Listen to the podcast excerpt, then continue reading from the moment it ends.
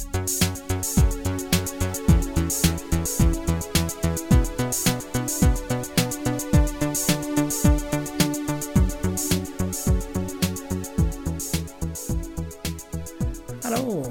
välkommen tillbaka till Allt du har velat veta och lite till med mig Sebastian. Och mig Johan. Och i dagens avsnitt så kommer vi fortsätta lite med där vi avslutade förra gången och prata om de olika fartygstyperna som trafikerar havet helt enkelt. Och vi fortsätter väl direkt ifrån där vi avslutade och i förra avsnittet så tog jag upp de tre mest vanliga formerna av fartyg som var containerfartyg, färjor och kryssningsfartyg. Och den andra mest vanliga fartyget som finns det är ju oljefartyg som transporterar råolja och naturgaser ifrån olika plattformar eller depåer runt om i världen och de här har ju väldigt stort värde på sig ekonomiskt för att de transporterar naturgaser och naturreserver och otroligt mycket spänning ligger runt dem också. I och med att det är sånt högt pris på oljan och gasen överlag. Och de är nog de mest säkrade fartygen som finns.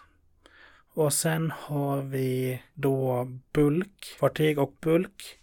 Och eh, tankfartygen de ser nästan likadana ut i sin storlek och form. Att de har ett relativt tomt övre däck som eh, är exponerat för naturens krafter men att de har lasten i själva skrovet. Och bulkfartyg de har ju varit aktuella rätt så nyligen i och med frågan kring eh, spannmål från Ukraina Mm. som har blivit eh, fast på grund av kriget. Och det är helt enkelt fartyg som tar oftast torrvaror. Så som spannmål, järnmalm och mycket annat som eh, ska från en plats till en annan.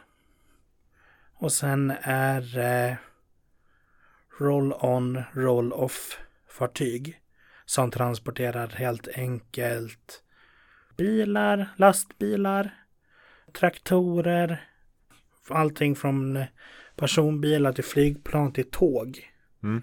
tar de ombord som eh, transporteras över haven och ska från eh, till exempel tillverkningsländer och ut på marknaden Mm. och sånt. Och, och sen har vi ju andra mindre kategorier som tyngdlyft och halvsänkta fartyg som har möjligheten att kunna sänka med sitt skrov under vatten. Mm. För att kunna föra på ett större objekt.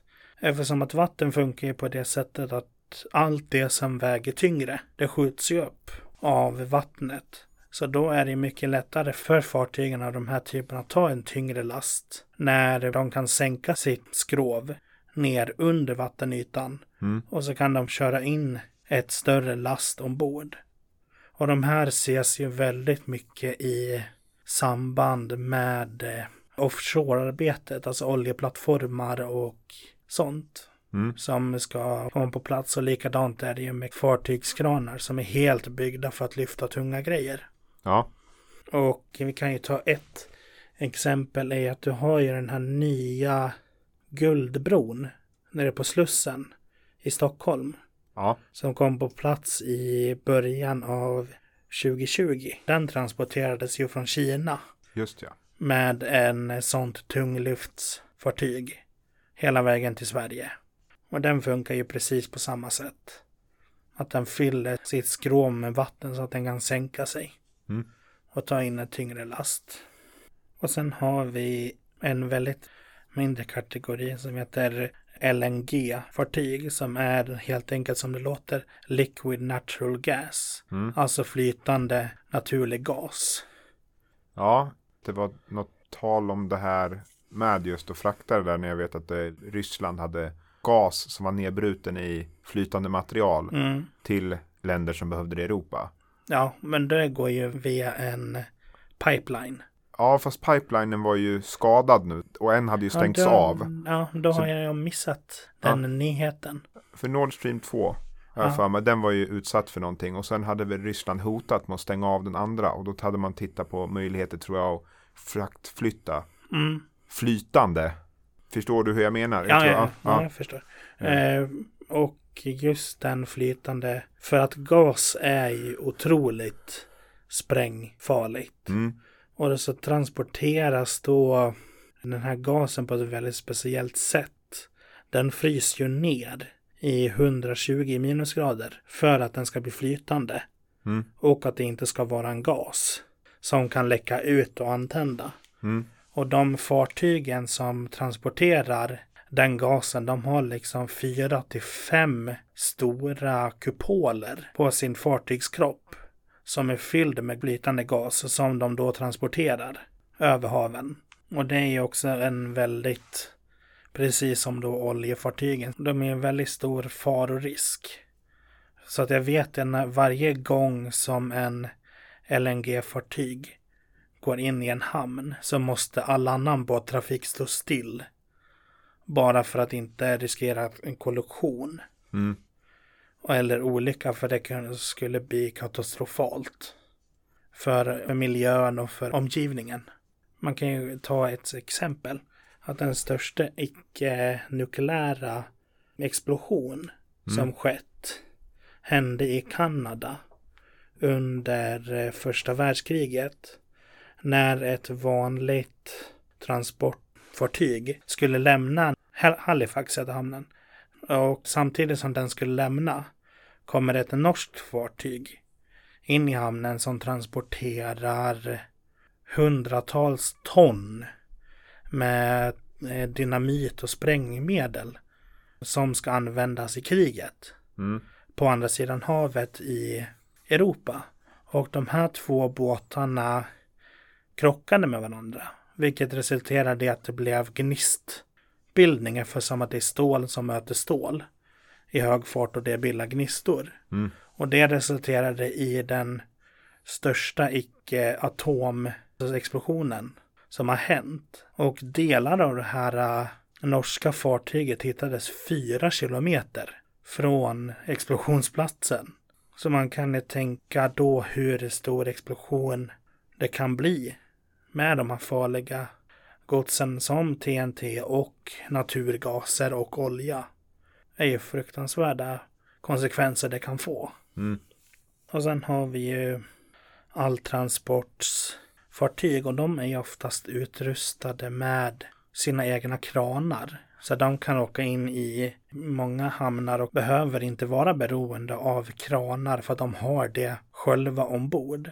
Och de tar ju allting som också bilar, lastbilar men även delar till eh, vindkraftverk. Och sen har vi ju då offshore Mm. Mm. Oftast har ju de en väldigt speciell utseende. Har oftast egna kranar ombord för att kunna lyfta av grejer ifrån fartyget till en plattform. Eller så har de skanningsutrustning som de kan sänka ner till havets botten och dra efter sig och skannar eh, under havsbottnen efter olja Mm. och det som många länder är ute efter. De flesta fartygen som trafikerar haven idag, det är ju oftast registrerade i länder som Indonesien, Panama och eh, Cypern. Vilket de som har lägre skatt på fartygen och de har lägre arbetskrav och lägre lönkrav Mm. än vad, säg, ett land som Sverige har. Och då är det ofta så att det är många på fartygen att det är mycket blandning av besättningen. Oftast är det ju bara typ svenskar som är kapten och officerare ombord. Sen är oftast resten av manskapet antingen filippiner Mm. eller kineser eller något av de låginkomsttagande länderna. Så migrantarbetare mer eller mindre eller? Ja, alltså det räknas nog inte som migrantarbetare på fartyg eftersom att de rör sig från plats till plats. Ja. Men de är inte skrivna i Sverige. Ofta så bor de ju i de länderna fortfarande.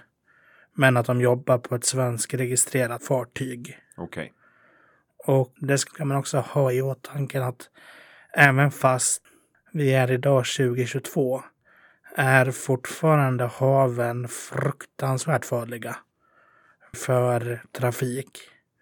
Både via pirater men också på grund av stormar som kan eh, sänka riktigt stora fartyg om det går riktigt, riktigt fel. Mm. Och ofta så mm, det försvinner ju en till två fartyg om året som eh, försvinner ute i storm. Och eh, jag, jag läste på nyheterna senast i helgen om att en eh, nästan 5 till 10 meter hög våg hade slått in på sjätte våningen ombord på ett kryssningsfartyg Okej. som det var min pappa som delade Mm. en länk med. Och då kan man ju bara tänka sig att det är sådana fruktansvärda krafter Mm. som slår emot fartygen. Mm. Och då känner jag men, att vi har väl kommit till slutet Ja. av det här ämnet. Ja. Och då ska jag nämna det också att under avsnittets gång så pratade ju vi om naturgaser. Ja. Och det och anledningen till att Europa inte har möjligheten att kunna ta emot naturgaser från andra länder än till exempel Ryssland är för att vi inte har de hamnarna eller faciliteterna i hamnarna för att kunna ta emot naturgaser från till exempel USA. Ja, då har vi ju kommit till slutet Mm. av det här ämnet. Och i nästa avsnitt tänkte jag att vi dyker djupare ner i ubåtar och hur farlig deras last är. Mm. Och hur de används i sig i ett krig och vad deras funktioner är.